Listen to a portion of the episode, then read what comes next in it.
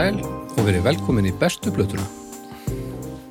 Ég heiti Baldur Ragnarsson, ég er upptökustjórinn, ég á tölvuna og uh, ég sett sound á þetta og svo sett ég þarna leila hljóðkirkju þarna sem þið heyrið fyrst og svo sett ég þarna bestu blötu stefið þar á eftir og þá svona bindur þetta saman og ykkur líður eins og þessi að upplifa einhverja held þegar að heimurinn er runni röð af slembivöldnum augnablikum sem hafa einhverja þýðingu. Uh, Völdnum Mjög gott. Hvað sagði ég? Slembi völdnum Já, það er sem sagt gengur líka yfir samhljóða. Uh, Hjá mér eru statið tveir menn. Hann er rosa dölur íslensku. Og hinn er doktor. Hvað segi ég? eru eh, bara resir. Þú ert einn doktor og duglegur Lýstu vel á verkefni þetta verkefni. Já, þetta er, Já, Lýstu þetta svolítið spennandi. þetta er áhugavert sko. Já þetta er Ég er ekki vissum að, að Bibi grípi gítarinn í dag. Það ertu ekki að viss Nú, ok. Við sjáum til. Ok, ég hljómað mjög- síruna. Það er hljómið mjög vill eða ég satt að mér- þetta er verkefni mjög óspennandi. Já, að Þetta er nú ekki skemmtilegt. Já.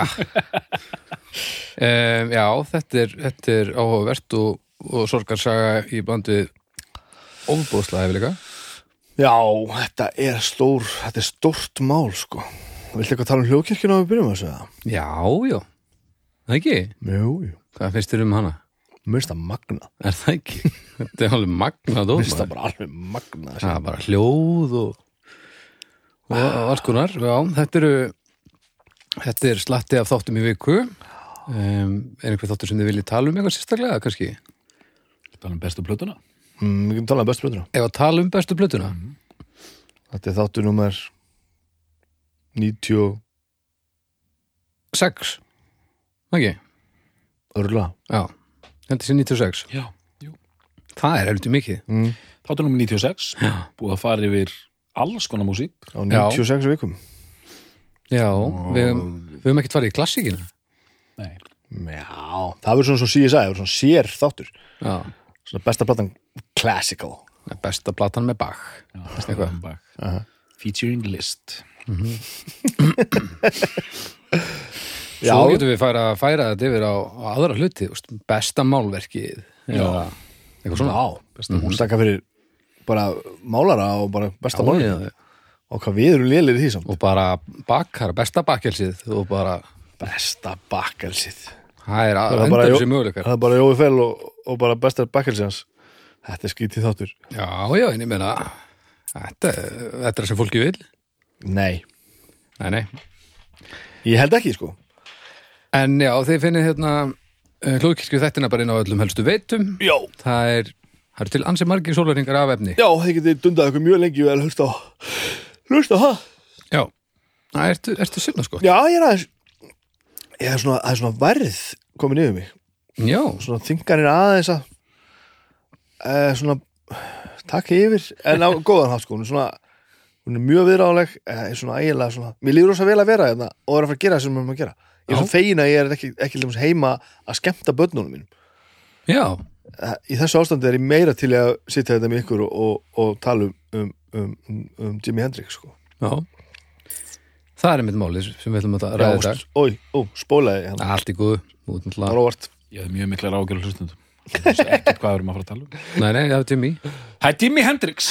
Takk hérlega fyrir. Já, Og bara verðugt að, að spjalla hans um hann og, og, og reyna að skilja þetta mál.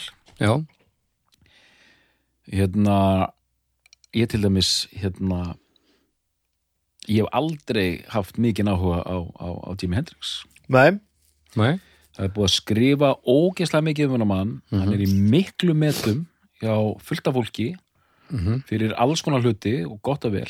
En, Beggja, beggja megin bransans. En mér er aldrei þótt músikinas skemmtileg, eða mjög skemmtileg. Mm það eru hann að lög svona, hann á slagara sem er bara, já, fínt. Mhm. já, já, þetta er ágættöður -hmm. en ég er ekki í, í, í, í, í Jimi Hendrix kirkjunni enga veginn. Nei, og mér er alltaf bara mjög merkilegt hvað það, það, það, það skrifað alveg ógeðslega mikið um hann. Og ég meina, já, við förum auðvitað yfir það það er, ímist, það er alveg ástæði fyrir því. En persónulega. Arnar ekki Tórótsen, ég hef aldrei fílað þessa músík neitt sérstaklega. Nei, ég er alveg á svipum stað en hann er nú líka kannski góðsögnin góðsögnin er meira uh, bara hljóðfærleikari já, en kannski akkurat katalókurinn sko, mm dálítið þannig og... sem er líka kannski að því að hann var svo viðurstykkilega viðbjóðslega góður Já, þetta er, nú, þetta er nú stærra mál en það sko. en já, það sem er svona lifur og flyttur og er það bara hvuslas stjörnu hljóðfæraleikar hann, hann var sko. Já, en þetta er náttúrulega þetta er, þetta er stærra mál sko. og þetta legacy er stærra heldur en það hvernig er að gera þetta? Ég hef líka fundið það sérstaklega því ég var undirbúið mig fyrir þáttinn og emitt var svona hálf hérna já, ég var pínu stressaði fyrir þessu af því að emitt, mér, mér eru bara þótt músíkin hans bara leiðinleg og hef aldrei leitað einhvern veginn eftir þessu. Þetta er eins og hljómsveitin Hú sem ég þykir mjög leiðileg leiðileg hljómsveit líka. Um, en það er þetta, það er þetta þessi hljóðfæra leikur sem við munum tala við og eitt sem kom, hann er nefnilega, ég ætla að gefa honum það núna svo, svo að fólk verði ekki, fari ekki alveg á límingunum að hlusta, hann er, hann er lungin lagasmiður Já, það er bleimálið og síðan þessi sem við tölum um þriðatrið er bara að hann var líka lungin svona tilrauna maður og, og gerði hluti sem maður kannski skilur ekki alveg hvað hann var langt á undan sem samtið með margt og við er í þe- þessi mál hérna sko. Þetta er nefnilega málið sko. það er svo margt þarna sem að, sem að þarf að tala um sko. Já ef ekki bara byrja þið þið gerir þetta í sammenningu Já, við gerum þetta bara í sammenningu einhvern megin sko og fættur hann að síðla árs 1942 já, Já. já. 27. november já.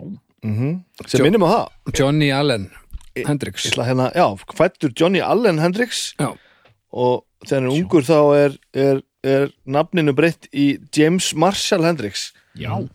Þannig að það var svona nafnin sem hann bar lengst af sko. ég er ætla að nefna þessa sem hans bestu Jimi Hendrix uh, Experience bandið heitir það Trio og platan heitir Are You Experienced hérna stendur aftan á þessu þessu eintæki sem vilja vinnum mér naglbítur á Mhm. uh, eru lýsingar á, á meðlifum, svona pistlar lengst í pistillin um, Jimmy og stittri um, um Mitch Mitchell trómara og Noel Redding bassakitalegara en hérna stendur sem sagt Jimi Hendrix, guitar and vocal born Seattle, Washington, November 27th 1947 sem er bara ekkit rétt af því hann var fættur 1942 sagður yngri. Eh, þetta er bara einhver miskilningur sko. Það er bara einhver, einhver, einhver prentklun já, fættur 42 inn í mikið mikla hellun. Já, um, hann er hann er einn, held ég fimm sískina nú er ég að græða okkar gamla vitnesku sem ég man ekkert hvort er rétt hjá mig sko. Elst upp mikið til hjá mömmu sinni og meðan papp, pappin er, í, er ekki hvort hann er bara í er hann bara í stríðinu? Pappans ég man það ekki, hann allavega er mikið að heiman. Og en svo eitthvað heima líka sko. Og fóreldrar hans eru fátækt, óreglu fólk um, og þau alast upp, ég man ekki hvort hann átti systur að bróður sem að, held sér ekki sem að sérst, alast upp saman. Og svo eru þrjú sískin sem koma sko, held ég, á eftir yngri og þau eru öll gefin til ætlingar sko. þetta er mikil, þetta er mikil það tráma í gangi. Já, eimdar og sorgarsaga, mikil yfirvildi uh, milli fóreldra og hann sagði sögur á þeim tíma sko, hann mundi eftir sér sko, kornungum að fela sér bara undir stiga og bara allt í bara, bara skelfing og eimd sko þannig að þetta er svona það, svona einhvern veginn fer þetta af stað sko uh, fættur í Seattle hafið hafi það ekki komið fram og Seattle búar eru náttúrulega afskaplega stoltir af sínu manni Mhm. maður kemur til Seattle þá er þá sér maður það alveg, það er ekki bara nirvana sko, það er, það er það er rosalega mikið Jimi Hendrix sko. okay. um, og hann fær einhvern áhuga á á, á músík og hljóðfærileik. Fyrsta hljóðfæri sem er eignast er eitthvað eh, hundgamalt ukulele sem að finnst það einhver ruslahug eða eitthvað með einum streng og hann byrjar eitthvað að spila það og svo svona smátt og smátt þróast þetta hann að hann fær einhvern, einhvern gítargarm til þess að spila og verður strax bara, þú veist, þá er hann held í 15 ára. Og verður strax bara, þú veist, þá, þá sjá allir bara, ok, þú, þú getur eitthvað gert sko. Jú, svo manni ekki alveg nákvæmlega söguna heilt yfir, sko, en hann fer bara fetar bara þessa slóðu einhvern veginn og er bara fann að spila uh, og svona tróða sér að alls, sko, út um allt. Og fer svo bara, sko sko, hann, hann deyr 1970 spoilers, hann dó. Uh, og þessi plata kemur út sko 67 Einmitt. þannig að þetta er rauninni sko og það er ekki fyrir þessi plata kemur út þar sem hann verður eitthvað nafn. Þá orðin sko passar þessar tölur alltaf saman, já. Þá orðin, veist 24-5 Mhm. uh, fram að því er hann búin að spila með, með alls konar sko, var hann, hann var að spila með Æko Tínu Törni Já, og, sko, hann er búin að vera einhver þrjú, fjögur ár upp að þessu svona, hérna, svona hliðarmaður og spila bara, veist, og og, já, og er ekkert flassi eða neitt þannig, hann er bara að spila á gítar í ljósendum og gerir það bara ágætlega en síðan sko er það hann hana, Chas Chandler sem hafi verið í breskusveitinni Animals Já. frá Newcastle sem býr í rauninni til þetta konsept hérna sko, setur bandið saman sko. það er það er ein- einhver sem sér hann spila mm -hmm. já, þá þá er hann þið kærasta Keith Richards, hvað heitir hann áttur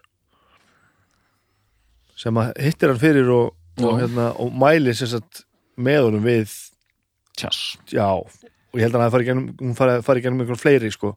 Vildi koma honum eitthvað áfram, það var hann sem svona trúir á þetta. Og það er Tess Chandler sem að sem að ákveður að hvað, Tjass er að hætta í Animals ákveður að hérna, fara í umbóðsmennsku Mhm. Já. og bara svona, heyrðu kannski prófa, tek sérsin á þessum gurs þetta er rosalegt. Og flýgur hún bara til England. Af hverju anskotanum gerða það?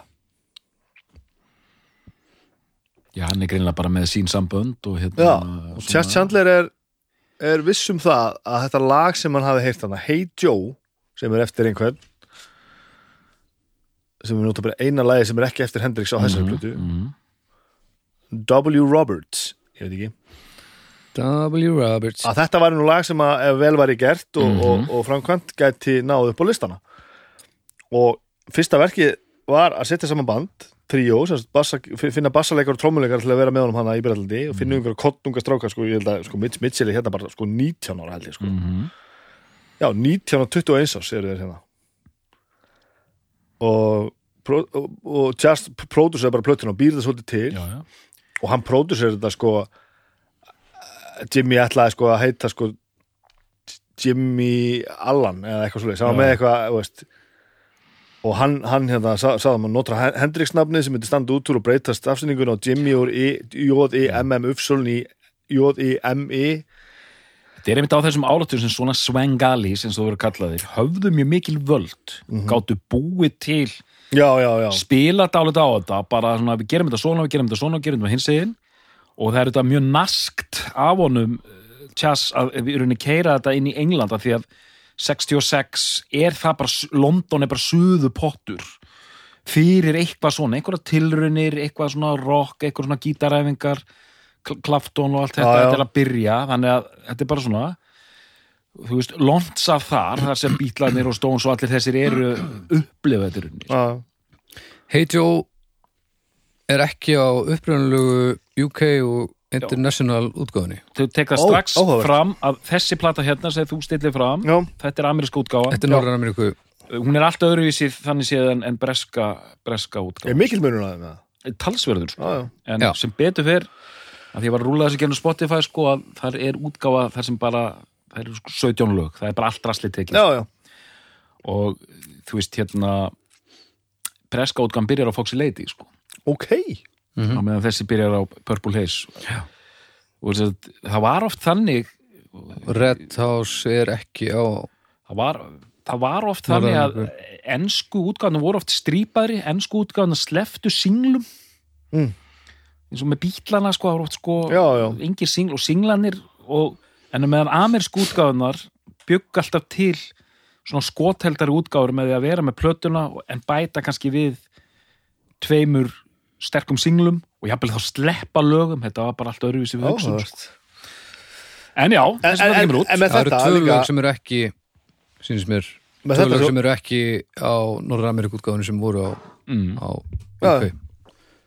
með þetta sem átt að segja eh, spilur svolítið inn á það sem við erum að gera en það er svolítið, var svolítið skrítið að finna bestu plötuna með Jimi Hendrix að því að þú veist þessar plötur er ekkert merkilegar plötur einhvern veginn sko Se, þú veist, nú er ekkert endur að tala um sko gæðin á lögunum eða eitthvað heldur þú veist, það er ekkert mikið lengur svona heldar hugsun á bakvið, þú veist það, það er rosa mikið bara að vera að fylla upp í báða hliðar með ágæti stöffi sko og, og, og, og það besta er þetta náttúrulega stórkostlegt sko.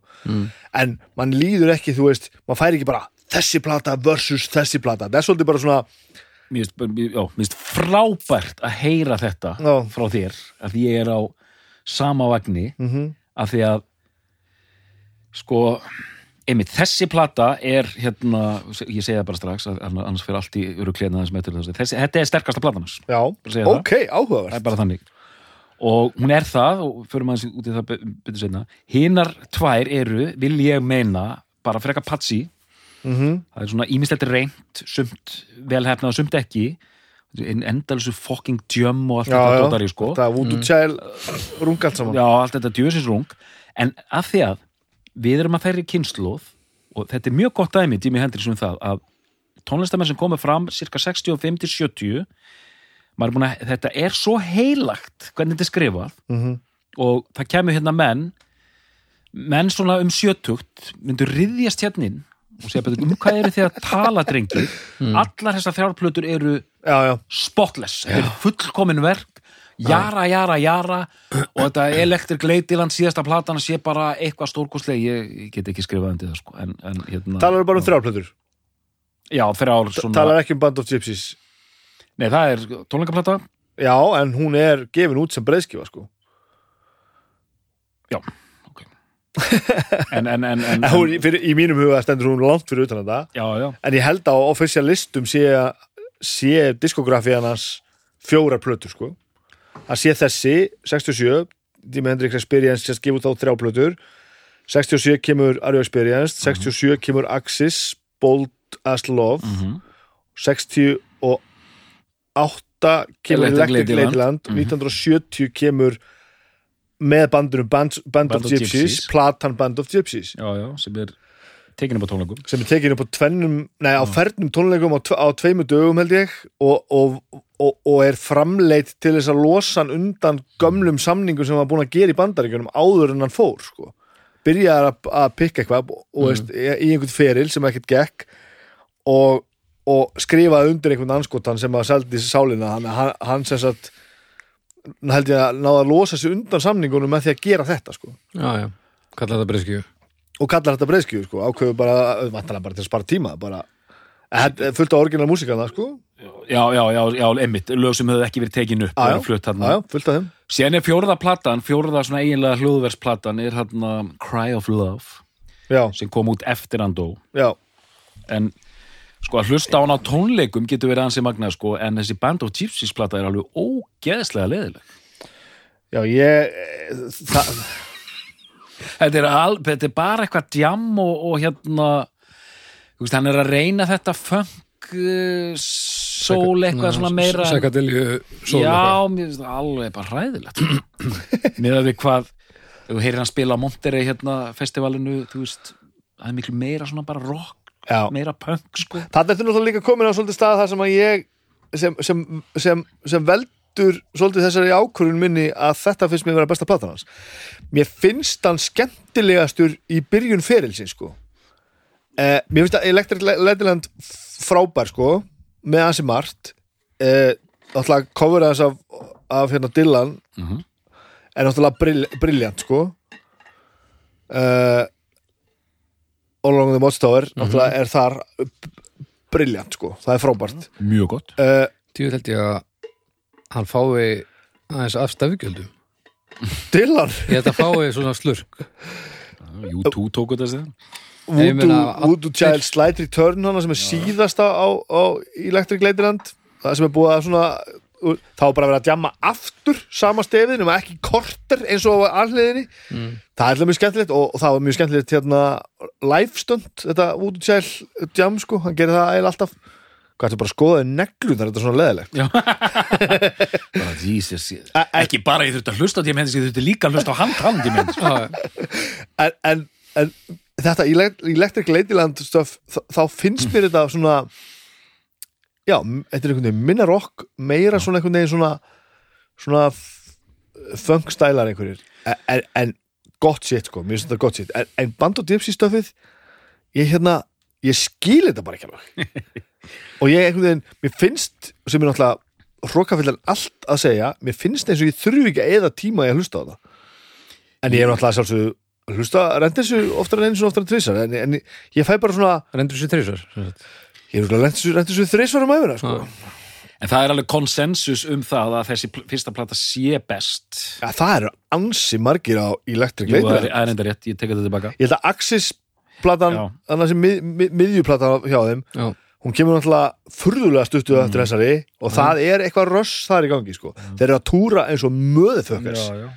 Og það er bara að vera, kemur, bara að vera að berja í nýtt efni þar sko. Þa, það er svona tindadreifur lægri þar sko. það, það vantar meiri hessleika sko. satt, það er Hún er svona gefin út sko, hvað, sjö mánuðum eftir já, það er galið og það er ekki eins og það hafi eitt þessum sjö mánuðum í að semin í að plutni, þeir voru á fullu að- að- Jú, að- sjö mánuðum Jú, það að er sko í á Breitlandi hérna já, það er svona Axis Boldasóla er svona, svona rólegir útgáfa þessari plötu sko. það sem þessi plata gerir fyrir mig er að hún er rosa það er mesta svona ákefðin svo ég notið það orð á þessari. Þetta er bara, þetta er svona hálfgerð punk hálfgerð þungarokk, sko. rosa svona þetta er eins og því vorum að tala um hérna, in rock með Deep Purple, mm svolítið svona brjálaði þarna. Ég held líka uh, að það sem hefða til mín hérna er það að hún er minnst tilgæðaleg hann átti nú svolítið erfitt með sig hann Jimi Hendrix það er staðrind, Já. hann var mjög sjálfsmeðvitaður uh, átti erfileikum í skapið uh, erfileikum með að halda öllu bara á teinunum alltaf yfir gengilu dópusti já, já. og fyllir bytta uh, áttum okkur því að hann deyr 27 ára sko, og hann, hann, hann gerði það bara mjög samfærandi það var engin að það var, hann, hann var, hann var ekkert að að tefja hann eitt sko. Nei. og þarna þessum fjórum árum áður þetta er svo stuttu fyrir, þetta eru fokking fjögur ár sem við erum að tala um, það er í legacy sko. það er bara þessi plata 67 hvenar 67? Hún kemur út 12. mæ og svo Breitlandi 23. ágúst í bandaríkjunum og hann deyr í september eða eitthvað 70 þetta eru fjögur og hálft ár og það er legacy sko. en hérna svona Þessi plata hefur selst langmest já, ég held að þetta sé, er það Já, og sko alveg miklu meira en, en útstokk og allt sko. Já, já, já, Hún fór í fimmfalda platinum, síns mér. Fokk en við erum að tala hérna um þetta. Förum aðeins í tracklistan Já. á þessari þá þessari amerísku útgáða Já, tökum hana bara. Purple Haze, Mhm. það er náttúrulega það er, ég hlustaði svolítið á þessi plötur núna með hérna vísinda eirónum sko, Mhm. það er frábælega samilag, það er bara frábælega gert sko, Gekkjalag Mind Depression sem er sennilega uppáðslega í myndaplötunni Mjög flott lag. Ógeðslega gott lag. Og Hey Joe, þetta eru fyrstu þrjú lögin. Mhm. Hey Joe er náttúrulega skýt ómerkilegt sko. en það er bara eitthvað svo hann hitti bara svo mikið á það sko. Hann deliverar óafinnalega og þessi söngur já, sko. þar er hann bara að rífa kjaft söngurinn og eitthvað svona, það er bara mér finnst líka Hey Joe svo flott að því að það er svo og sem hann he- hefur rósa fyrir að þetta er svo ég reyna að tala íslensku og nota eitthvað orðan að yfir effortless. Þetta er svo áreynslu laus já, hann er náttúrulega ekkert eðlilegur gítalikari og ég tek alveg undir það það er bara eins og þess að línur bara þetta er fáralegt sko. Og það er alltaf einhver þetta, þegar við erum að tala um að Hendrix hafi verið besti gítalikari allar tíma sem að margir halda fram Mhm. og ég ætla ekki að halda fram að sér ánt það er ekki verið að tala um hann hafi verið svo ógeðslega duglegur að hreyfa puttana. Þetta snýst ekkert um hvað hann gætt spila hratt eða þú veist flókið eða eitthvað. Þetta er svo smekklegt það er alltaf, eins og þetta segja þetta áreinslu leysi, mann líður bara eins og þetta eigi að vera svona já, já, já, já. og Já. samt er hann að reyfa eitthvað við manni þú veist, alltaf kemur eitthvað svona maður bara, wow, akkur gerist þetta þannig, djúvill er þetta ógist alveg Hann svo er kemur næsti frasi og hann er áframhald af því sem var, það er ekki einhvern veginn svona, þú veist Þannig liftir hann þessum einföldu lögum eins og heiti Jó. Hann er einn af verður eitthvað magic sko. einn af þessum hljóðfæraleikurum sem að, maður fær á tilfinninguna að hljóðfæri bara Já. ekki beinni hugsun einu sinni bara, hann bara dettur í einhvern fíling og svo bara elda puttarnir þann fíling án þess að þurfa að hugsa um hvað hann er að gera. Það er alveg, það sker ég að sjá þegar fólk getur þetta sko. Svo eru setni þrjú lögin á, á alliðinni eru Love or, or Confusion, May This Be Love og, og I Don't Live Today. Eh, Ein ástaballa hana, eitt svona bínu gróta eitthvað. Þetta eru fín lög en þú veist þegar ég hlusta, hlusta gegnum plötum núna þá eru sko allavega það sem mínum huga eru vinsala lögin, kannski eru ekkert vinsalust ég held það nú sant, þau eru best sko. Það er hann Purple Haze, Man Depression, Hey Joe The Wind Cries Mary sem er upphafið upp á hérna á bjöliðinni Fire mm sem er frábært lag algjörlega. Uh, það er annar lagið, fjórða lagið Foxy Lady. Mjög skiljanlega stort lag sko. Are You Experience sem er svolítið svona fan favorite Lokalagið.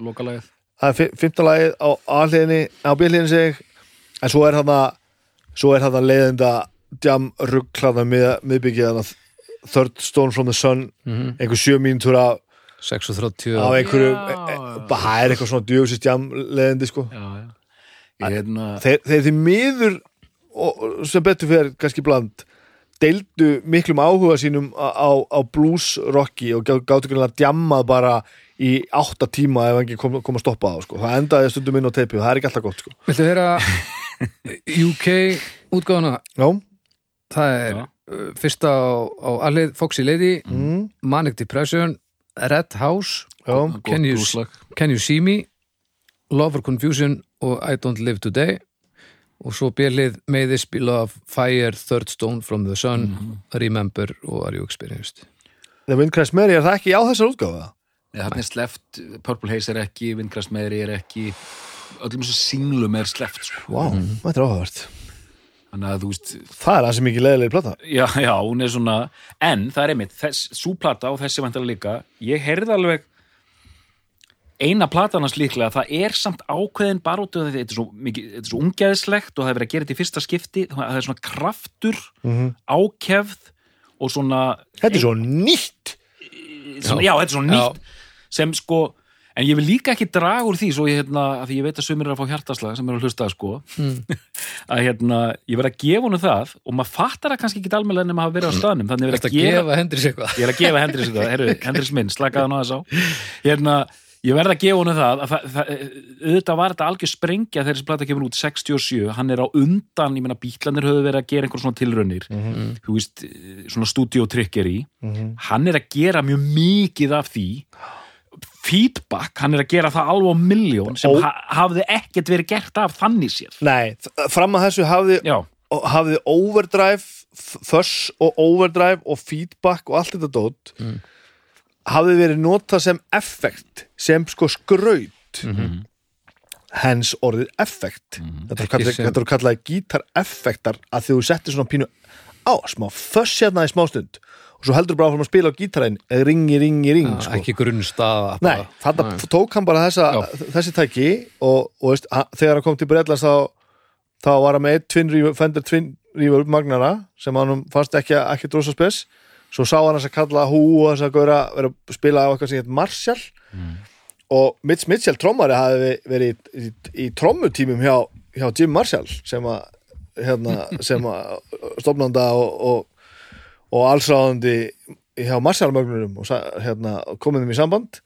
Og Jim Marshall mætti bara til Hendrix með þrjá, ég held að hafi verið sko superlít sem eru sko 100 vatta skrimsli sko, 6 box.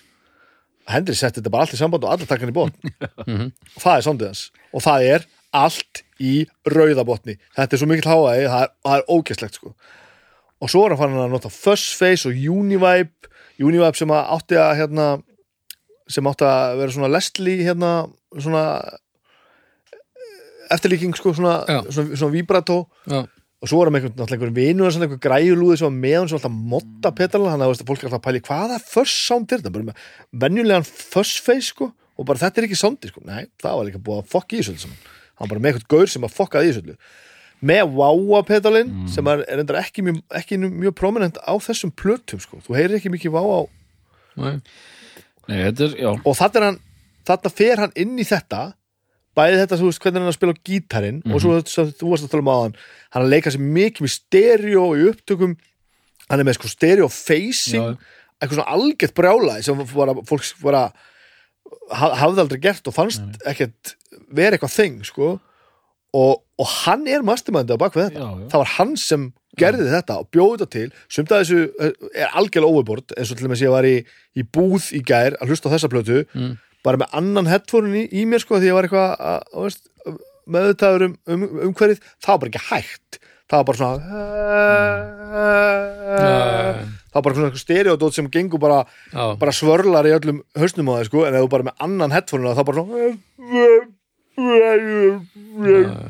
Þannig að, sko, ég held að þessi þáttur í hans færi, sko, almennt er talað um Jimi Hendrix, já, besti gítarlegar Já. alltaf tíma, afgreitt. En þegar við erum að tala hérna saman þrýr og kreðsan, svo ég nútið það orð, þá er, sko, þetta gleymist áliti, sko, hvað hann var einmitt mikill, sko, bara upphafsmaður, tilraunamaður, prófa okkar nýtt og þetta ár 67, þegar, sko, Sgt. Pepper er að koma út, hérna Piper at the Gates of Dawn með Pink Floyd þessi psychedelia, þar sem er verið að stretsa hlutina dálítið sko, hann er dálítið gera dálítið einstakal hluti veist, og er, er aggressífur þetta nota einmitt feedbacki almennlega, mm. bítlandir gátt þarna I Feel Fine lagið sem byrjar með þú veist, kannski þryggja sekundna hérna feedbacki, það er ekkit meira það er bara einmitt bara verið að skreita þeim sko, þannig að sko og ég heyri eins og hann að þetta þörd hann að frá með söndæmi, mér finnst þetta mjög mistækt það er samt svona, ég aðeins talað um þetta í þáttunum, þetta krautrock þíska, kan og nói og hérna sem var svona tilrauna músík mjög svona naumhyggjuleg kannski tíu mínúna lög og mjög svona endurtekið stereolab tók þetta dálítið upp. Maður heyrir í þessu eh, lögum stundum það er í rauninni verið að hinta að þessu mörgum árum á undan sem er gott í mínum bókum en það er líka ákveð að gerast hérna sem ég verið að fá að nefna þessi endalsu djömm sem ég verið að segja tala um, hann er auðvitað starfandi á þeim tíma þegar þetta er, þykir alveg æðist að hlusta á okkar band runga sér í 20 mínútur þetta var bara svolítið legjó og þegar maður hlustar allir um Woodstock soundtrackið Já, já. mörg böndin er í þessu sko. Djamma bara já. djamma og þú veist, mér finnst þetta mjög vand með farin hlutir, mér finnst þetta svo þreytandi, Enda- venjulega Enda fasaðist þetta út úr músík fólk nefndi þess ekkert sko. Nei, þú, þú nennir ekki að vera tónleikum og vera að horfa trommuleikar eitthvað hérna. Þetta er alveg ömulegt sko. þetta er svo leiðilegt hefna, en, en það er ákveðin kynslu kynslaðan undan okkur, bara svona Já, líka á sínum tíma var þetta glæð nýtt Þú varst náttúrulega bara að horfa rock tónlistamenn sem var í fyrsta lagi bara mjög, mjög, mjög nýtt að gera einhverja óundibúna galdra. Og auðvitað, auðvitað, þú veist, meðan það var nýtt var það Mjög tilkomið mikið. mikið sjónarspil, sko, að sjálfsögðu Já, þessi plata fór í annarsætið á, á breskalistanum einmitt og Sgt. Peppers var, var efst, sko og fjóruðum setna, fjóruðum eftir að Sgt. Peppers ke- kemur, út þá haldur, heldur Jimi Hendrix Experience einhverja, einhverja legendary tónleika í London, það sem allt fræga fólki er Já, já. þá bara þá bara vita, þá bara vita mála there's a, there's a new cat in town. Þá bara Jimi Hendrix Já. og allir voru bara hvað í helvitinu er að gerast hérna? Fyrir að kíkjum að kisa. Og það var hérna það er, er einhver, eitthvað mjög frækt moment sem gerist þarna ein, einhverjum vikum eða mánuðum áður. Þar sem hann er einhvern veginn komin í samband við Eric Clapton í gegnum vantala hérna, Chandler eða einhvern djúli mætir hann að baksvís og bara hérna blessar, ég heiti, Jimmy má ég kannski spila aðeins nokkuð lög? Og, og hann bara, já, töff og bara heyrði að það var eitthvað magnaður gaur og eitthvað. Hann lítur að hafa verið með experience með sér. Ég, bara, ég geng út, út frá því. Hvort hann spila í hlið eða eitthvað, eða þú veist. Og Clapton sem sagt á þess að þessi fræga sá og það- notabene fyrir kannski fólk sem átta sig ekki alveg á því hvað Clapton var á þessum tíma, hann var bara gítarleikarin Mhm. hann tók bara ramaskítarinn in the 60s og bjóð til þetta, þetta svona en að vísi að þessum hetju gítarleik sko, og bara Hárétt. og holy fuck hvað hann var góður að gítar og er náttúrulega ennþá en bara hvað hann var að gera sem enginn hafði gert. Já, og hann sagði bara já, svo labbaði bara þessi gaur hann inn og sett í samband og spilaði í korter og hann sagði líf mitt breyttist á þessu korteri. Og það er svo gaman að sjá hann segja frá þessu já, að því hann var bara, hann er ekkert að íkjæða bara, þetta gerðist bara eitthvað á þessu mómenti sem breytti öllu. Mhm. við vorum búin að gera rosa gott og búin að gera mjög margt sem hefði gert áður. Svo kom bara þessi gaur og hann gerði hlutina bara þannig að við sátum bara á já, já, mm, vá þetta er eitthvað sem ég vissi ekki að væri hægt. Og svona tala allir um þetta sko. Já, En ert ert að tala um tónleikar fjórum dögum eftir að Sansi Peppi kom út af því hann spilaði Já, en, þa en það er, að, svo er það Já. geir, sko. Þa, þá, er, þá, þá er þetta slegið í gegn Sati Peppers er í eftirsæti uh, Are You Experienced er, í- er, í, er í öðru sæti á, á breskalistanum þá er þessi tónleikar, allir vita hvað hann er allir koma, eru hann í salunum húst bítlarnir og Clapton og bara, húst, bara nafnlistin er bara fáranlega sko. og hann veður fram á svið og spila Sati Peppers lægið bara, bara fyrsta lag. Og Paul McCartney segir bara þetta gæti verið mesti heiður sem ég verið síndur á, á, bara á, á allar tíma sko. hann sagði að það hefði bara verið rosalegt.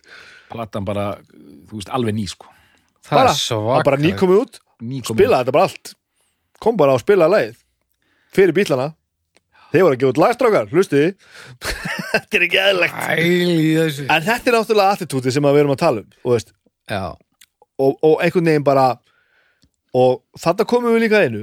Þessi hraði þessar fjóra stúdíoplötu sem ég vil meina að eins er tekinu blæf eh, Ok, já, láta það bara hanga. Já, öll þessi hvað sagði stúdíoplötur fjóra breiðskjur skulum við segja. Og fyrsta breiðskjur, gefum þessu þrjár, mér er alls sama. Skiptir ekki máli, allt efni sem hann tók upp. Allt efni sem hann tók upp sem var ekki útgefið sko. það er fullt af átek sem er svona búið að mjalla gegnum, gegnum árin. Heldur, heldur betur. Á, á, á, og þú veist, ég er með bunga hérna plötunum að svilla hérna sem að, og engin þeirra er Nei. sko, þetta er bara, bara samansafn af svo miklu dóti sko. Spila á tónleikum viðstöðulust sko. Mhm. og bara djöfull hefur hann lifað hratt maður. Djöfull hefur hann gert mikið sko. Það er bara út til að spila eða í stúdíóið að drulla inn miljón lögum í einu bara sko. Já. svo höldum aðeins áfram með, með söguna. Þá eh, er það einhvern veginn þannig að, að það er búið að vera að pissutan í McCartney með að vera einhver hjálparhella eða taka þátt í Monterey festivalinu í bandaríkunum og hann segir ég skal vera með ef þið fáið þennan gauður hérna Jimi Hendrix til að spila þá var Hendrix ekki árið neitt í bandaríkunum sko. mm. og úrværiður að hann spilar í- á Monterey og þeir eru eitthvað að pæli í bara hvernig og það tölum um svo margt að tala sko tölum líka bara lúkið á hann sko Mhm. já, já. svartur maður með ramaskítar í einhverjum geðveikt flamboyant fötum mættur bara og þetta var eitt af það sem fólk hafa aldrei séð heldur bara Mhm. þú veist, hver ertu? hann er búin að, þú veist, áður en verið frægur er hann búin að taka, þú veist, svarta sörkvitið hérna Já, í einmitt. hann er búin að Já, taka það já. allt saman. Nú er hann að, nú er hann að svinga inn í hvíta Já, og nú bara fyrir þetta, bara með tvo breska pretty boys með sér einhvern veginn, skanna hvítagöra hann mæti bara með kögur og, og liti og, og þú veist allt hangandi út um allt og allt í voða sko. og hann er eitthvað hann að tala við Chess Handley bara hvað, þú veist, djúvillig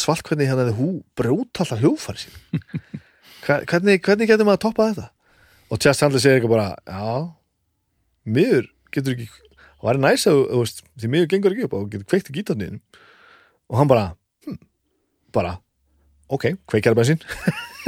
Og það er alltaf þetta fræga moment þannig að fyrst, veit ég hvort hann hafi gert það á, í, hvort það er fleiri skipti sem hann gerði þetta þegar hann endaði með því að að, brenna gítarinn á sviðinu á Monteri. Og eftir það varðan bara frægasti tónlistamæður í heiminum.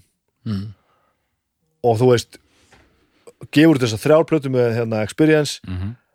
þetta gerist alltaf ógisla hratt. Þeir náttúrulega hægt að geta unni saman það verður allt brjála, hann og Noel Reddingur eru bara, bara fjendur sko. Mm.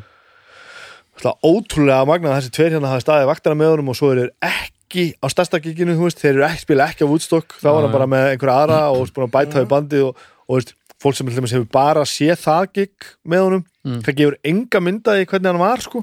Að það er bara með einhverja kongatrómuleikara og annan gítarleikara. Þetta, þetta var fyrst og, fremst, fyrst og síðast var þetta bara power trio. Já. þeir voru bara gítarleikari og söngvari og, bara, og, og þeir notabene Mitch Mitchell og, og, hérna, og Noel, Noel Redding drullu góðir báðir sko. Mm. og spi, spilamennskan er oft briljant og Sagan segir að hann hafi alltaf ítt, viljað íta undir það að tónlistamennin sem var að spila með myndu gera sem mest sjálfur sko. Komið með sem, hann var ekki að stjórna því hvað maður voru að gera sko. ok, það var góðu parturinn við það. Og slæmi parturinn var þetta að það var náttúrulega ekki hægt að vinna með hún sko. þessi plata, fyrsta platan gerð frekar skipulega, það eru svolítið að kynnast og þetta er bara nelt í gegn, gengur vel og hún er, hún er flott sko. Önnur platan gerð á- svolítið á hlaupum að þeir eru fattur að túra svo mikið Mhm. hafa ekki alveg tíma og maður finnur það á henni hún er svona bara, já þetta er bara komið. Og svo bara þriða platan í Electric Ladyland þar sem hann er bara að sóast lengur í ruglið og svona hún er bara gerð bara í einhverju partí sko. Nóa Letting segir sögurnar því bara að það gerðist ekkert að því að annarkot mætti hann ekki eða það voru bara svona 80 manns í stúdíónu að ég tætti stíð sko. Já, og það, þetta, þetta var bara eitthvað rugl. En svo er platan ljómandi þannig sko en svona sér maður bara hvernig það gerist bara stigmagnandi og svo bara, þú veist, rekur hann og redding, Mitch Mitchell einhvern veginn svona heldistu lestinni kemur svo inn aftur þarna einhvern tíman uh, Þannig að sko og svo bara endar þetta með því að hann er farin að túra með eitthvað, eitthvað, eitthvað annað band sko. Uh, voru það alltaf sömu görðinir, ég held það það hefur verið einhver tveir hann sem spilur bara með honum útstöks, eða voru það bara band of gypsies görðinir, vantala og hann er, þú veist, búin að keira sér algjörlega út og eitthvað tíma beila, alltaf tvenni tónleikana sem beilaði bara til tvö lög þegar bara gatt ekki meira sko, og bara dópaður og þreyttur og, og rugglaður og fann að segja einhverja dónulega hluti og mm. og svo bara fer hann í einhvern retreat þarna til, til Englands með síðustu kæristunum sinni þarna sem að, einhver þýsk stelpa sem var hann svo held ég með honum hérna Skorpjónskur, giftist honum held ég hérna Óli já, og hérna og, og þar tekur hann bara, þú veist 20 faldan svefli við að skamt onni allt dópið og brenniðin sem hann var búin að drekka það, það kvöldið. Og hún vaknaði bara fimm tímu setna og þá var hann alltaf með rænu sko, og svo bara dó hann. Men hann bara, hann bara kláraði sig sko. Kláraði þessi og veist alltaf að tala um þetta eitthvað og það er aldrei verið, þú veist, einhvern veginn algjörlega, þú veist, svona dánar ósíkinni svona hún er svona að láta henni liggja aðeins á milli hluta svona, já, gubbaði upp í sig, þú veist, kapnaði í eina ælu eitthvað, þú veist ég er ekki, ekki læknir eða eitthvað sérfræðingur en, en allt sem að lesi bara, þú veist, þetta gat ekkert endað öðruvísi, Nei, nei. nei. Hann bara hann bara kláraði sig, sko. Stimpla sér inn í í 27 klúbin snemma, já, En það er svo, early, member. Early member en það er svo merkilegt sko þegar maður hugsaður um þú veist að koma út þarna þrjár plötur bara á tveimur árum. árum. Og hérna mér er svolítið merkilegt uh, með þessa síðustu plötu sem er tvöföld og rosa mikil metnaður í gangi. Og það er alltaf hægt að giska hann er hérna, þræll fíkninnar og næri ekkert að, að, að gera í rauninni allt sem hann hefði geta gert og átt að gera. Sem er líka alltaf hægt að velta fyrir sér að eitthulegum oft ít undir eitthvað sko. Við ít undir eitthvað snild og allt það. En mér er líka svolítið flott þegar maður hlustar á Electric Ladyland svona, svona veist, alls konar lög einhvern megin, róleg og hröð og eitthvað svona.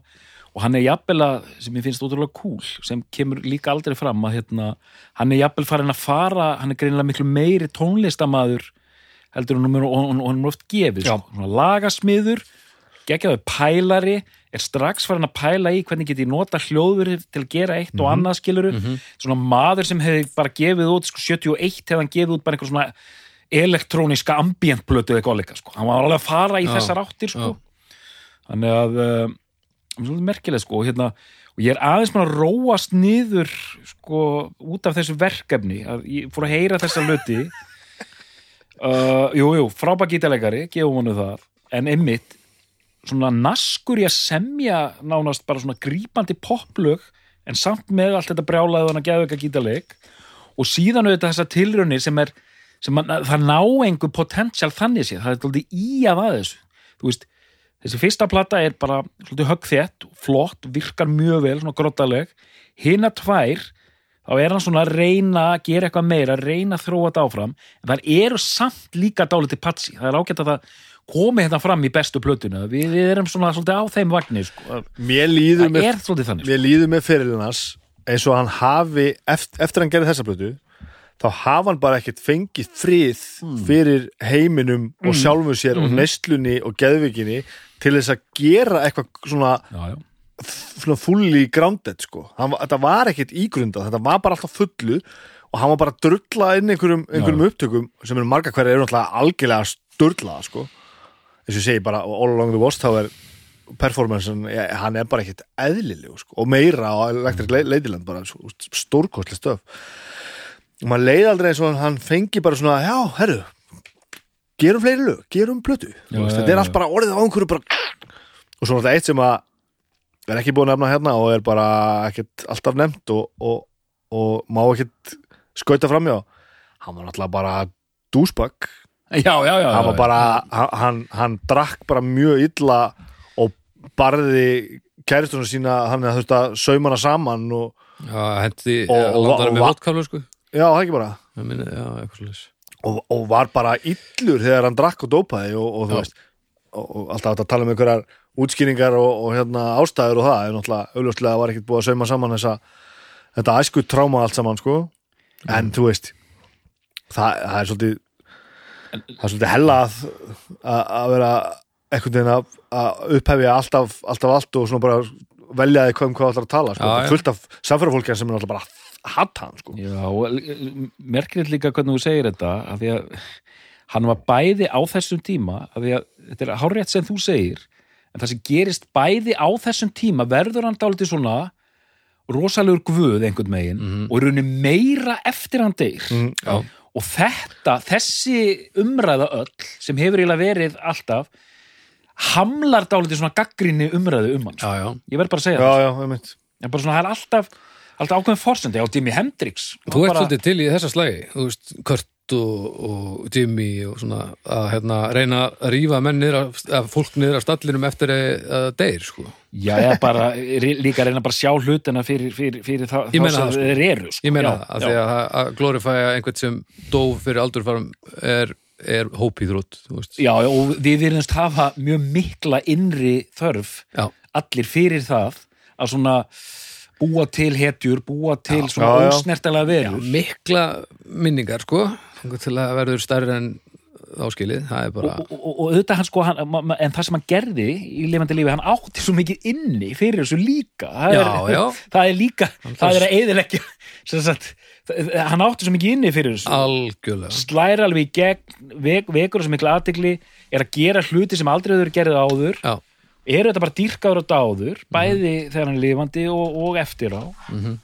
Og líka magna síðan þetta eftir hann deyr kom út endalins og tónleikaplötur síðan nær Al Hendrix pappans og eitthvað svona estate nærloksins Já, það er, völdum. það er bara bara um aldamótinni eða eitthvað svoleiðis þetta er ekkert langt síðan sko. Það hefur verið að koma út kannski allavega þrýr geisladiskar sem eru bara þú veist, með áður óútgefnu efni sko. Mm. Og menn gjössamlega, ég les rekordkalektor svo mikið Mhm. að ég, ég verður aldrei hlutfallið á því hvað ég hef lesið mikið um hennar mann já, gegn því hvað ég fíla músíkin hans er mjög, er mjög langt hann á milli sko. já, já, einmitt en lestu alltaf um hann ef að sér það Já, ég svona, þú veist, oft er þetta mjög áhugaverða greinar, einhver kannski að, hérna, einhver grúskari að, er að tala um þessar hérna hérna, að þessi lög hefur verið tekin upp það er, þetta, Já. það er bara svona spennandi mystík í kringum þetta. Já, og já, þegar ma- maður les þetta já, en er kannski ekki að hlusta á þetta. Skilji en það er ágætt að þessi arkíf útgáfur hafi verið að koma út. En ég bara segja að þessir varðhundar 60-sins, kynnslónu undan okkur þeir fara svo mikið í töðunum Já. Býttu bara, gefðu þessu þú veist, gefðu þessu mitt þessi, hvað ég segja svona 50 ári viðbútt þegar að 90s varð hundarnir fyrir að koma fram fyrir þá Já, fyrst eru brjálæður hérna, og aðeins dáinn Já, þannig að þetta er já, þetta er daldið snúið sko. Og hérna en ég er að tala mjög, miklu fallegar um Dimi Hendris en eldur en ég átti nokkur sinni vona á sko. En það er líka það sem hann hefur gert fyrir þig án þess að þú þurfur að hlusta á hann. En það er líka að bú, búa til hluti sem að þú elskar sem að þó að þú hefði kannski ekki kveikt akkurat á því þegar hann gerði það þá bara byrja hann á því. En hann bara bjóta til. Já, og- en líka munurinn á því að þegar maður stillir sig inn á verkefni þú veist, ég myndi segja öll þessi lög Mm. hittarannir hans, þetta eru bara lög sem ég heyri. Já, hvort sem er líka betur að vera í útvarpi. Núna bara fer maður inn í þetta bara, hm, ok, tjekkum á þessu lögum, er þetta gott? Bara, Þetta er bara helviti gott. Já, já, margt það þessi drullu, drullu, drullu gott man.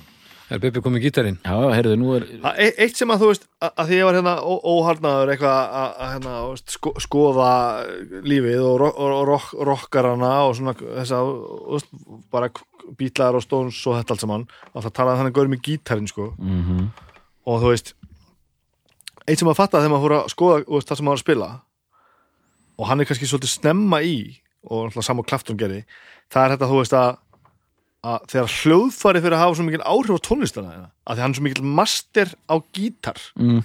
að hann lætur Já. gítarinn stjórna svo Já. miklu hvernig Já. músíki verður Já. þetta fræga greipa sinna þetta hérna, þessi þetta er svolítið bara því að puttarnir raðast svo vel sko.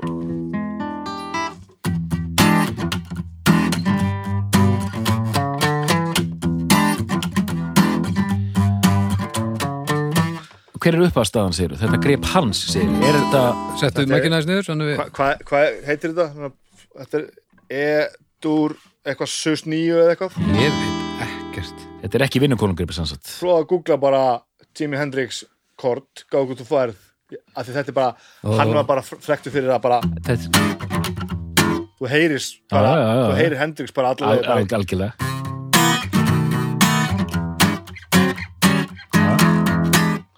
þú veist, og þá bara fór maður að fatta á allt þetta.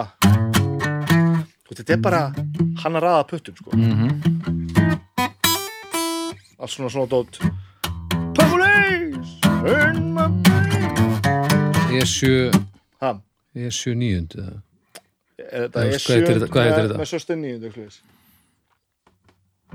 sjö, já, ég er ekki góður í Ég kann ekkert að lesa svo en þe- þetta er fyrst og síðast af því að e, e, e, á grípur gítarinn og, og, og Dominant seventh chord uh, with sharpened ninth, ninth. Já, sjö, níu, já. Það hljóma vel. Já, og þú veist, og það er eitthvað við þetta en þetta er, að svo fer maður í gegnum, gegnum það sem hann er að gera og þetta er svo mikið hann að spila á gítarinn sko, þú veist, Já, og það er það sem að gerir þetta, veist, það, það er svo mikið það sem hann er að gera, að- að nota hljóðfarið láta hljóðfarið stjórna hvernig músíkin er sko, og það er bara það, svona Django Reinhardt bara svona, já, sem er náttúrulega útgáðan af þessu. sem fólk hefur náttúrulega gert veist, í, í, í áratugunar á sko, að og, og þetta er svo sama svo stert þegar að metalli fyrir að koma og, þú veist, öll þessi hérna og svo ég klárið þetta. Hérna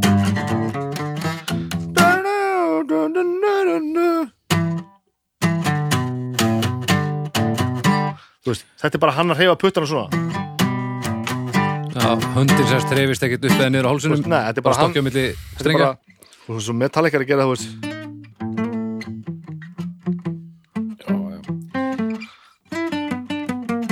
Þú veist, Það þú sér hvernig puttarnir raðast bara, þetta er bara munstur sko. Það er einmitt talað um sko Það eru lög þarna sem er bara kortir í metall Já, og þetta er sumt að þessu drullu þungt sko. Alveg drulluð þungt sko. Og bara svona maður heyrir og þá er ég ekki að tala um hérna ákæðuna í, í hljómnum eða neitt heldur bara struktúrin Já, bara struktúrin á lögunum er bara svona ok. Svo Kings hafa stundu verið hérna kallaðir til með þe þeirra hann fyrstu lög. Já, og það var allt sko já, en, en, en sko það sem ég er að pæla í hérna af því það eru, það, það er einmitt mjög margir sem uh, hafa þennan mann á stalli og finnst hann aðeinslugur og tími hendur sér indislugur og finnst frábært að hlusta á þetta. Þú veist hérna er það svona, hvað er það þá? er það bara þessi lög sem þessi, þessi singlar? Er einhver sem segir bara Axis Bóldaslóf, þú ert að miskilja þetta þeir bara öll lögin eru stórkostlega á þessari plötu þú ert að miskilja þetta og maður bara, nei, þetta, þau er ekkert öll stórkostlega nei, það eru frá- margir sem segja það sko. eru menn bara í feeling, ég held það, þetta er bara feeling. Ég held að Ég þessi held að fílingur þetta sé það, já. Og bara þetta hafi ekki verið gert Svona, áður þannig að þá ertu með smá sögurum fyrir því að sökka. En, en Ekki- sko, ó, sökka, hann er samt ok, þú veist hvað ég meina. Ég gerði eitt samt. Ég fór til þeim svo hlustaði núna. Það er svona, það er svona tónlistamenn sem ég svona einhvern veginn stundum í höfður á mér, sett svolítið á sama stað einhvern veginn. Stevie Ray Vaughan. Mhm. uh, Tjekkaði á honum Mhm. Santana á, á Mhm, tíma, þú veist einmitt svona, svona brjálaði virtuosar Já. ógæðslega góðir þú veist, sérstaklega svo Stevie Ray svona óheflaður svona óst, ægilegur svona tutti einhvern veginn sko. Mhm. það vantar eitthvað glimmer on top sko, ég er ekki að gera lítið úr þessum mönnum, þeir eru náttúrulega ævinn týra leiði sko það er eitthvað við, auðvitað líka þessi ljómi að þetta eru bara þessi fjögur ár basically, sem við getum talað um Mm. þetta er svona kompakt og auðvelt svona veist, þetta er svona þetta er, þetta er svona afmarkað umræðefni þannig að það er að setja svolítið mikið púður í þetta sko þú ert ekki að hugsa bara, já, svo náttúrulega náttúrulega í the 90s fóran í þetta Já, sko, já, er veist, við erum ekkert í því Nei. en það er samt eitthvað eitthvað, það er eitthvað einhver rjómið þarna efst sem bara er ekki á heinum stöðunum sko. það er einhver ég veit ekki hvað er sko. Nei, sannfæring, reyði uh, geðviki þú veist þetta, það sem þú varst að segja náðan þetta, þetta, þetta, þetta áreyslu leysi öllu Já. og mm mann finnst þess að allt kom í eðlilegu framhaldi á því sem undan kom þú veist, þetta er svona fullkomi valdi yfir öllu og þú bara hlustar á þetta og bara, þetta verður alltaf verið svona þetta verður alltaf verið svona. Fullkomið vald yfir sko á formati sem hefur ekki verið til svona áður já, og svo hefur enginn náð einhvern veginn að kópera það almennilega síðan, sko. Það er svolítið Já, ég einmitt. Og margir reynd Já, og svona, það er, við erum með, við erum að tala um einhverja, einhverja, einhverja töfra hérna, sko, og líka og þú veist, eins og, ég heyri þetta vel í gerum allar þess plötur að maðurinn kann að spila á gítars það er rosalega skítalega hann bergar sér en, en, en hann bjargar sér. En þú veist, að hlusta á löng gítarsóló það er eitthvað sem ég hef ekki gaman af. Bara, en, en, en ég er bara með þetta eina dæmi í raunni þetta heyra, sko, Hey Joe sem er bara svona tiltölulega venjulegt lag. Mm. hei, og, og, og gítaleikarinn er kannski einhver miklar krúsidúlur þannig sér þar en maður heyri strax að býtu þessi þú veist, hann er með eitthvað sko. Já. og hérna og það er, en, en hann, eins og ég segi, hann er óheppin og nú er þetta bara að tala persónulega að það eru ímislegt sem ég hef nefnt sem bara fer dálítið tómnar, þessi gítargvöð þessi endalösu sóló, þetta endalösa jam sem ég vil meina að þú veist, hefur ekkert endilega elst neitt rosalega vel, en það er samt mjög mikið þarna sem bara þessar hugmyndir hans og metnaður að nota stúdíóið í, í, í, einhver, í einhver svona tilrunastar sem, sem lifir dálítið vel sko. mm, en ég meina, ma- má maður alveg segja það að ég meina eins og þessar þessar tvær hérna, setni hérna elektrik leidland dagsbóldasló, þetta er svona og ég er að lesa þannig dóma líka um þetta að þar sem menn segja þetta, þær tvær eru svona þú veist, ekki jafn neldar og þessi fyrsta nei, sko. Þetta er mjög en, merkilegt. en já, já, bara og, og aftur komum við núna líka því sem við vorum að tala hérna kannski svolítið um í byrjun. Plötur voru ekkert hugsaðar eins sko. já, einmitt, einmitt. Það er mjög Nei. áhugavert að þú veist, það er bara eitt djam á bjöllíðinni Já. þú veist, akkur hva, hvað ætlar að gera á þetta, þetta er ekki neitt. En Hva, hva, hvaða plötur komstu með? ég, þessi bungi er þetta er bungin fræði sem að hérna, ég er búin að vera með í láni frá Villa Mm. Nagbit, vinnu mínum frá því hún er svona 18 ára, grínlaust sko meir en hálfa æfina og hann er með allar Metallica-plötuna mínar. Frá Killemól upp í svörtu plötuna og sex smáskífu pakkan svarta, hann er með hann líka. Og við skiptum einhvern tímann, ég fekk þetta og, Rainbow Bridge. og, og, og bara hvað er þetta? Jimi Hendrix Rainbow Bridge Original Motion Picture Soundtrack Þessi hérna Cry of Love Þetta eru, á, hérna skemmtilega mynd, ljósmyndir. Og þetta sem Brenna gerðist hérna máttur ég að brenna þetta þetta sem sagt gerðist uh, uh, þannig að sér nú magnarastæðunar djúsis Mm. brjálaði sko. Gerðist á, me- bæði á meðan hann var frægur og eftir hann dó og, og alveg upp undir eitthvað 90 og eitthvað alls konar það var verið að gera gefa út plötur, Jimi Hendrix plötur á fullu Það var til svo mikið af gömlum honum sem hann hafði tekið upp í bandaríkjunum líka sem að hafna einhver hundur sem hafa búin að gera eitthvað samlinga við hann gaf bara út bara, og það var bara verið að gefa út hendrisblötu bara, bara alls konar formati bara hingað og þangað sko. Og hann svona alltaf einhvern veginn svona að reyna að klóra í þetta og, og, og gekk ekki sko. Og, og alltaf svona að byggja fólk um að hérna að- að að kannski svona bara átt að sjá að þetta væri ekki það sem hann vildi vera að setja frá sér fullt af plötum sko, mér grunna eitthvað að þessu sé það sko Ég man vel eftir þessari plötu. titlarnir eru svo margir sko, þeir eru svo ógeðslega margir. Já. Við erum hérna með vínilútgáð af Cornerstones 1967-1970 þetta er bara svona algjört best of er það ekki, já, Og hérna eru upptökur fyrir hérna BBC já ok, þú vil hann gert mikið maður. Já. um, Timmy Hendrix Experience, Radio One, The Collector Series. Tvöföld plata, takk hérlega fyrir. Við erum búin að tala um Eddie Kramer sem er náttúrulega pródúseraði fullt með honum. Við erum svona Mér finnst þetta á einhverja af þessum plötum hérna eru er hérna við erum ekki að búin að tala um bandarska þjóðsöngin sem er náttúrulega gerðan ódöðlegan hann á já, Woodstock það, einhverja af þessum plötum hérna er, er stúdíóútgáfa af Star Spangled Banner. Já, það sem hann er sko svolítið í hérna Brian May stilnum ægilegar harmoníur. Bara, bara taka bara 20 gítar eitthvað öllum mögulegu röddum sko. Já. bara gítar, svona þúsund gítarar. Já, já.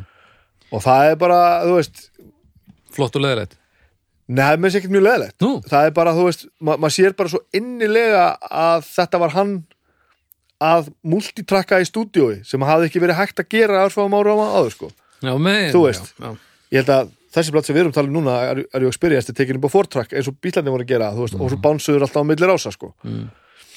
Þannig að, þú veist, er, verðist einhvern veginn það er svo fyndið hvað hann hefur ekkert verið að gera sér hefur, hún hefur ekki þótt leiðir að díla við eitthvað svona hindranir eða kannski gerist eins og þetta að hann spila hann er alltaf örfendur já, það er svona einhvern veginn mjög þekkt stærð þetta að hann tók bara venjulegan gítar og snýr honum við og endur strengdan bara aha.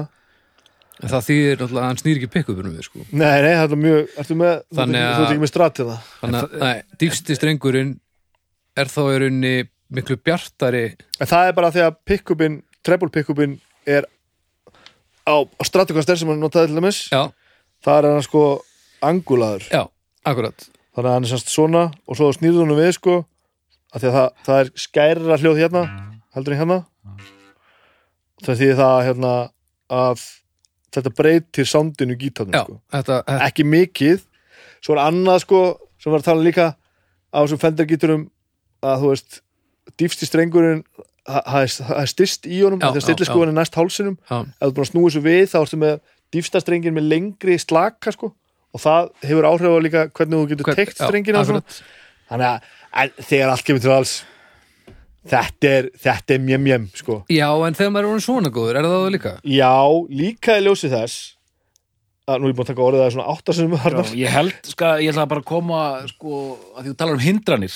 Já, og að því þú varst að lýsa æskunni Mhm.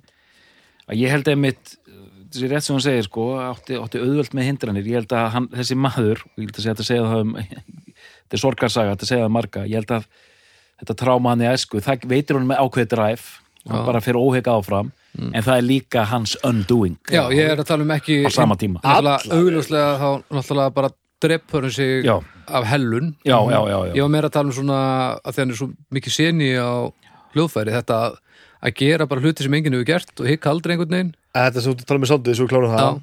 Uh, einhvern vegna er hann alltaf, það er alltaf þetta hann með strattin sko. Mm. hann spilaði bara svo innilega alls ekkert bara á, á, á stratt. Nei. hérna er hann til dæmis bara með Flying V Já, notaði- hann flakkaði á milli alveg. og hann spilaði á sko, hann spilaði á uh, Gibson Flying V, hann spilaði á, á Gibson SG og Já. Les Paul. Já, þú veist mest á strattin. Og hann sagði það sjálfur þetta væri bara frábært hljóðfæri sem að henda vel því sem hann var að gera því að veist, það væri bara hérna, bara versatile og bara, þú veist, gott hljóðfæri. Mm. en þetta er svolítið, það er búið að gera svolítið mikið úr þessum left-handed já Stratocaster e- sko. akkurat sko en og en- Gibson var allir bara núna á þessu ári að- reissjúa sko ekkert að reissjúa, er búið til Jimi Hendrix gítarna, þú veist rétt, Fly- fly- Flying V Jimi Hendrix signature sko. já, sem er náttúrulega allir bara að gítarheiminu fór að kvolf bara hvað, er hann að stela legasíðinu, hann- og Fendir löngu búið að gefa sko Hendrix stratt í öllum mögulegum. En ég er aðalega að pæla í þessu sko þó svo þetta séu litli núansar en maður er hún svona góður veist, þarna eru er hljóðfærileikar rosalega mikið að gera allt fullkomið svo þeir geti skila sínu. Já, já Veist, var, hann, var þetta kærleysi eða var þetta nei, nei, nei, nei, nei, nei. Og þú veist, hann fór rosalega hann var rosa pældur með effektana sína, hvernig þeir voru tengdir Já, uh, og hann var einn af þessu fyrstu sem voru virkilega að pæla bara, ég er mm með signal loss hérna, ég þarf að laga þetta, þú veist. Já, þessi hérna, og við sem þetta fucking first face drast, já, já, þú veist passa sig að hafa hann fremstan í, í hérna í keðunni, þú veist. Mhm.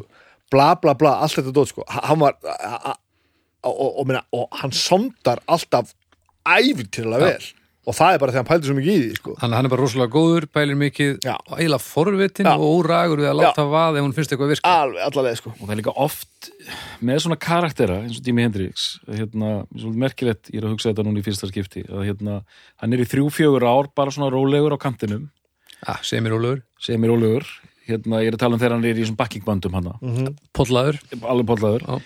Og með svona karaktera, með svona sögu að hérna, svo merkilegt að sjá það er ákveð munstur sko, að síðan fær hann hann að tækifæri og aðtegli allt fer að stað og það helst kannski svona eitt og allt ár, það er allt að gerast það er allt geggjað og hann er bara á fullu og síðan virðist alltaf verið, sem brennur þetta svona hratt út. Já.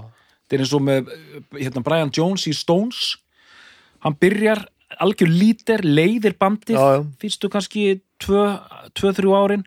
Síðan bara svona þú veist, þú veist ef þú ert að móka svona rosalega miklum eitilöfum í því sko, þá bara svona, þá fer bara rinni undan þessu. Þegar þú brennur út og ert með svona óbúslegar skuldbindingar framundan, þá náttúrulega bara fer allt í steik, sko. og svo er þetta hann líka hratt þetta er líka einhver persónugerð menn hann, hann fór í stríðið sko Já, og hann var náttúrulega bara látin fara ég fer í stríðið. hann bara, þú veist, hann, hann mætti bara aldrei það sem hann átt að vera og hann lá bara svoðandi og hann, var bara leistur undan störfum að því að einhver yfirmaður hann sagði bara þessi maður gerir ekkert gagn í hernum. Nei, þessi maður það bara fara heim. Þannig að hann var bara að útskrifa það sko. og lögði svo setna hann hafi verið sendur heima þegar hann hafi fótbrotnað. Þú veist, við erum alveg í þessu sko. þetta var, ég, ég er ekkit sem hann hafi verið hann, var ekkit svona, hvernig hann var orðið að þú veist hann var ekkit, vann ekkit á fullum heilindum alltaf sko, Nei. þannig að það og sem er alltaf partur af hver, hver, hann, hver hann var, klálega En ég meina samt, hefur aldrei gestur upp fótbrot það? til að sleppa við stríð? Jú, ég er ekki dæma Nei, til að líta vel út í stríði? ég er ekki dæma að vera það ég, ég hef aldrei verið í hernum, en þú veist Nei, ég, ég er alls ekki dæma fyrir að gera ekki neitt og, og komast heim en en segjast að, að ég veit ekki ég, ég hef ekki lent í þessu Svo ég held sko En- að en- það, það sem við höfum verið að tala um hérna meðal annars er einmitt að ég held að þessar, þessar plötur og ef við tölum um þessar experience plötur þessar þrjár eru þannig séð bara einn hluti af öllu þessu sem við erum að tala um sko.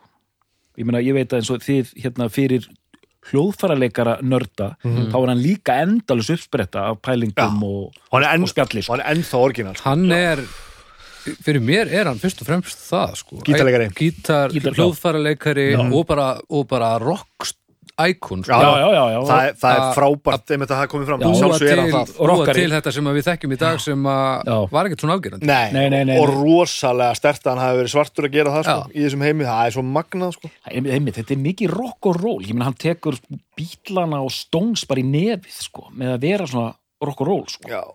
Já. og á tíma var hann bara hæst launaði músikant í heiminum. Hann fekk mest borga fyrir að spila á Woodstock. Já. það er bara þannig. Hann var bara skíturinn. Hann deliveraði já, klukkan 5 um morgunin ja, átta held ég. Já, já, það var setna, það er rétt. Það var átta það var bara á, yfir morgumattum sko. átta á mándagsmóninum eða eitthvað. Morgun sírunni gjörsalega og bara ég lati hóttir heim. Og bara 30 manns að horfa eitthvað og auðvitað þetta líka, ég var bara að fatta núna þú sagði Sýra, hann líka þú veist, 67-68, þá er þetta psychedelic rock og pop að gerast, ég meina fyrsta Pink Floyd platan er svona psychedelisk pop plata eiginlega sko, þetta er svona þannig verið að fara í þetta. Allir stíðu þetta stýrði mörgu ég meina textan er Lennon, hérna, newspapers, taxis hérna, og allt þetta. Hann stígur líkin í það. Þú veist, eh, hvernig Chas Chandler sko reiknaði það allt út. Þeir koma inn í inn í uh, psychedeljuna en hann er með hann góða blúsgrunn og hérna einhvern veginn býr já, býr eitthvað til þarna sko. Og er alveg partur af því líka. Krím og þessar hljómsýttir allar traffik og svona dótar í sko. Hvað heldur hann hefði gert? Í framhaldinu? Hvað heldur að hefði orðið um hann? Þú veist, ég held að hann hefði bara stíð af sviðinu og sagt ég er hættur að vera vinsældapoppari ég ætla að búa til 80 mínúna ambient hérna drónblötu núna hann hefði gert eitthvað þannig sko er það? og hver er munurinn á honum og til dæmis Clapton? það er svona eitt giskið sko. Clapton var bara skítugur rockari sko. það sem kemur óvart með Hendrix og svona, ég er hans mesti fanboy í þeirri deildinni, það var einmitt hvað hann var svona mikill svona tilraunapælari sko. já, já, já, orðin svona hérna, hljóðvers já, úti sko, já, já. Er að smíða einhverjar, einhverjar, einhverjar sýrur þarna sem einmitt eins og við höfum komið inn á ganga stundum upp og stundum alls ekki Mhm. en hann var svona eitthvað vision með það sko. Og, veist, og rauninni gítarinn er farin að spila miklu minna hlutur til dæmis á hérna Electric Ladyland og svona þetta er bara eitt gisk hann hefði svona feisa sér út í einhverja svona algjöra maurasýru og þá hefði hann verið droppað af öllum þessum hérna, fyrirtækjum hefði bara verið einhver hérna, hörmit einhver staðar í Seattle að búa til plötur sem enginn hennar að hlusta á það er eitt eða hann hefði orðið öflugari og komist bara á stall með Brian Eno eða einhverjum svona Já, já. og búið bara til mm. einhverja svona neðanjara stefnu á 18. áratögnum sko. Nýbúin að- byggja sér stúdíó þegar hann, hann dó sko þannig hvað heitir það? Leitirland Studios, Electric Leitirland Ég meina, og þú heyrir hann allt tók held ég upp tvö lögar og það held ég ennþá starfandi það stúdíó und- sem Hendrix stúdíó Já, sko. algjörlega, ég meina, og þessi, þessi hérna, og þessi þýsku bönn sem ég var að nefna, eins og Kahn sem er besta dæmi þarum, sem voru að vinna með svona, þú veist, Karl-Heinz Stockhausen og einhver svona nútíma tónlist til að búa, algjörlega að vera að afbyggja rockið, að vera að búa til allt öðruvísi einhvern veginn svona snið á það, sko, hann var í rauninni byrjaður dálítið á þessu, sko búa já. til svona tíu mínútna eitthvað svona vibe sko, þú veist, þessi lög svona, þú veist, maður missir hálfpartin aðteglina og það er bara eitthvað svona blub, blub, blub, blub, blub, í gangi sko.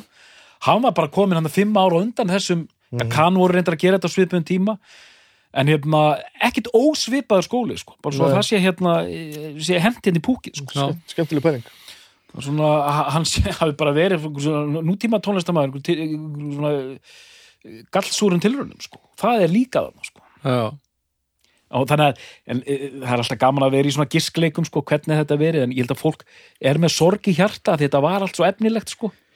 já svo, svo, hann, sko. sé- hann var með svo mikla hæfileika á svo mörgum sviðum sko. En svo er það eins og við höfum nú sagt inn áður hefði, hefði þetta orðið svona yfirþyrmandi og stórkostlega gott og mikið ef að öll þessi hellun sem dróðan til dauða hefði ekki verið til staðar sko. mm, og það er þetta líka inn í mixinu verður þetta að springa í loft upp til þess að við fáum tímabili sem er frábært sko. og auðvitað er þetta líka sagan sem býr þetta til eins og við talum á þann þetta er stutt tímabil sem er auðvelt að beina fókustum á mm -hmm.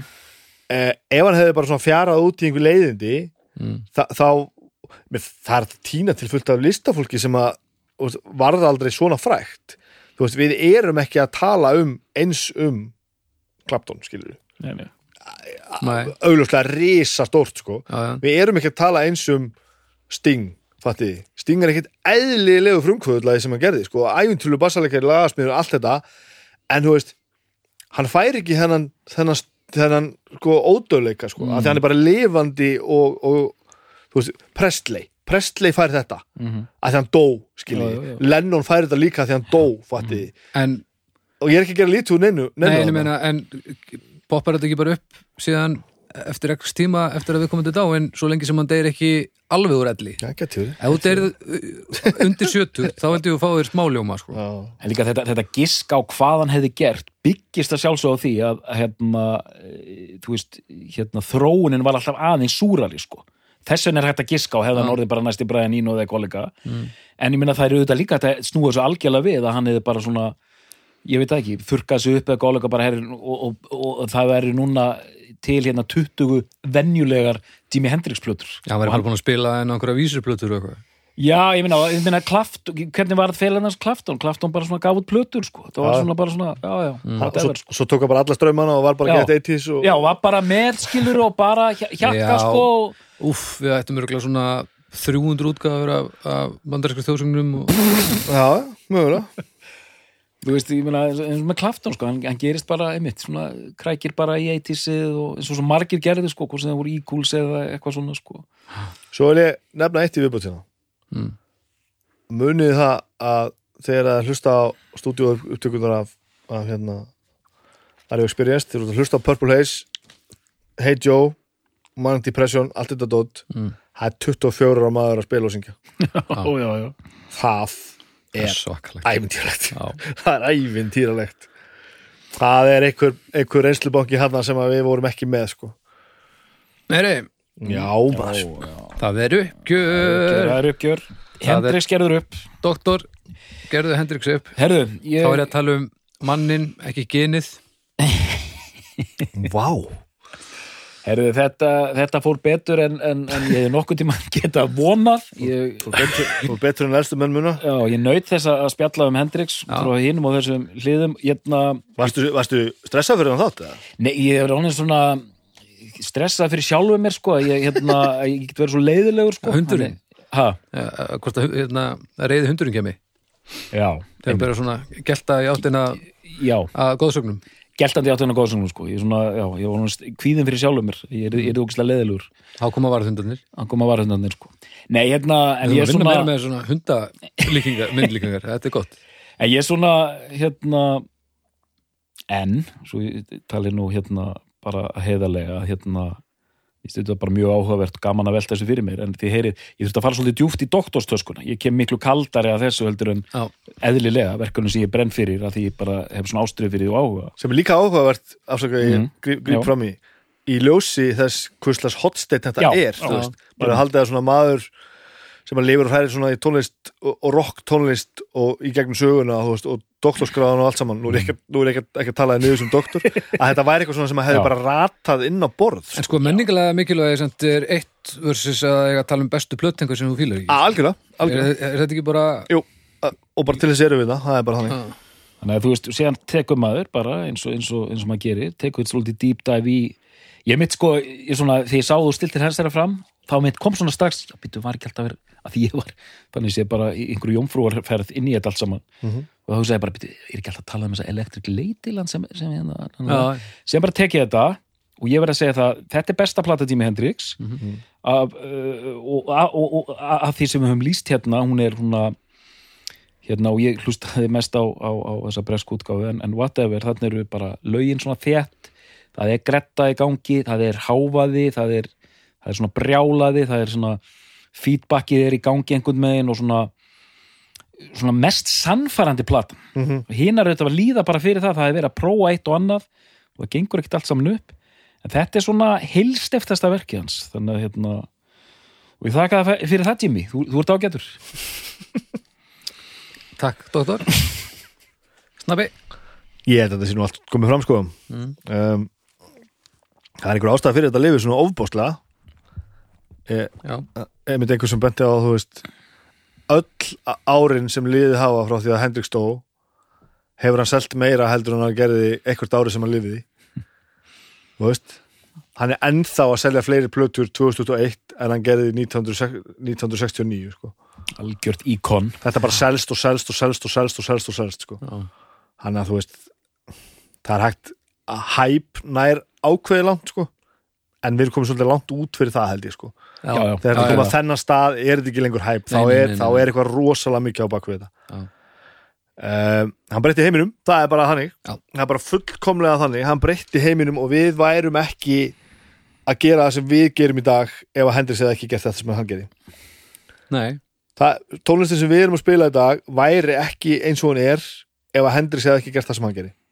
Allt satt já, við erum búin að segja þetta í svol- svolítið mörgum þáttum. Já já, enda á þetta við um, við, við um stærstu áhrifavaldana. En ef við segjum þetta tíu sinum og svo hefði einhver einn af þeim ekki gert það sem hann gerði hefðu við samt ekki bara Jó, jó, þetta er ég, ég er ekki að segja hefði ekki, Ég held að að það sé rétt með Hendrik sko, að að hann mætti ekki dett út. Nei. en er í einhverjum eldri þáttum höfum við sagt að einhver sé mikilvægur en hann var í raun svona þegar maður Sko ég, ég held að þá séum við alltaf að tala um að það hefði eitthvað annað komið í staðinn. Ég er ekki að segja að þróunin hefði ekki átt í stað En við hefðum farið aðeins öðru hverju megin já, við já.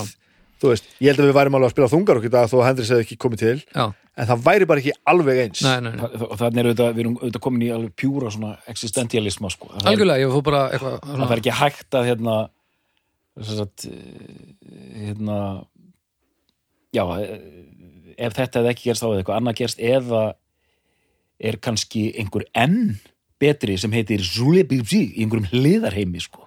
Já, það er góð pæling. Vá, þessi þáttur er rétt að byrja. Nákvæmlega, tölum að þessum hann. En, en, en sko, þetta er alveg rétt sem þú segir og við erum auðvitað, við höfum nú fengið hrós fyrir það hvað við erum rosalega áhugasamur ástriðfullir hérna. Mm. og ég meina ég hef örgulega líst yfir hérna svona 700 sinnum þetta sé besta plata sem ég nokkuð tímann heyrt á æfinni sem alltaf á einhverju tímpúnti þá var hún það. Já, nákvæmlega. Sem er nóg.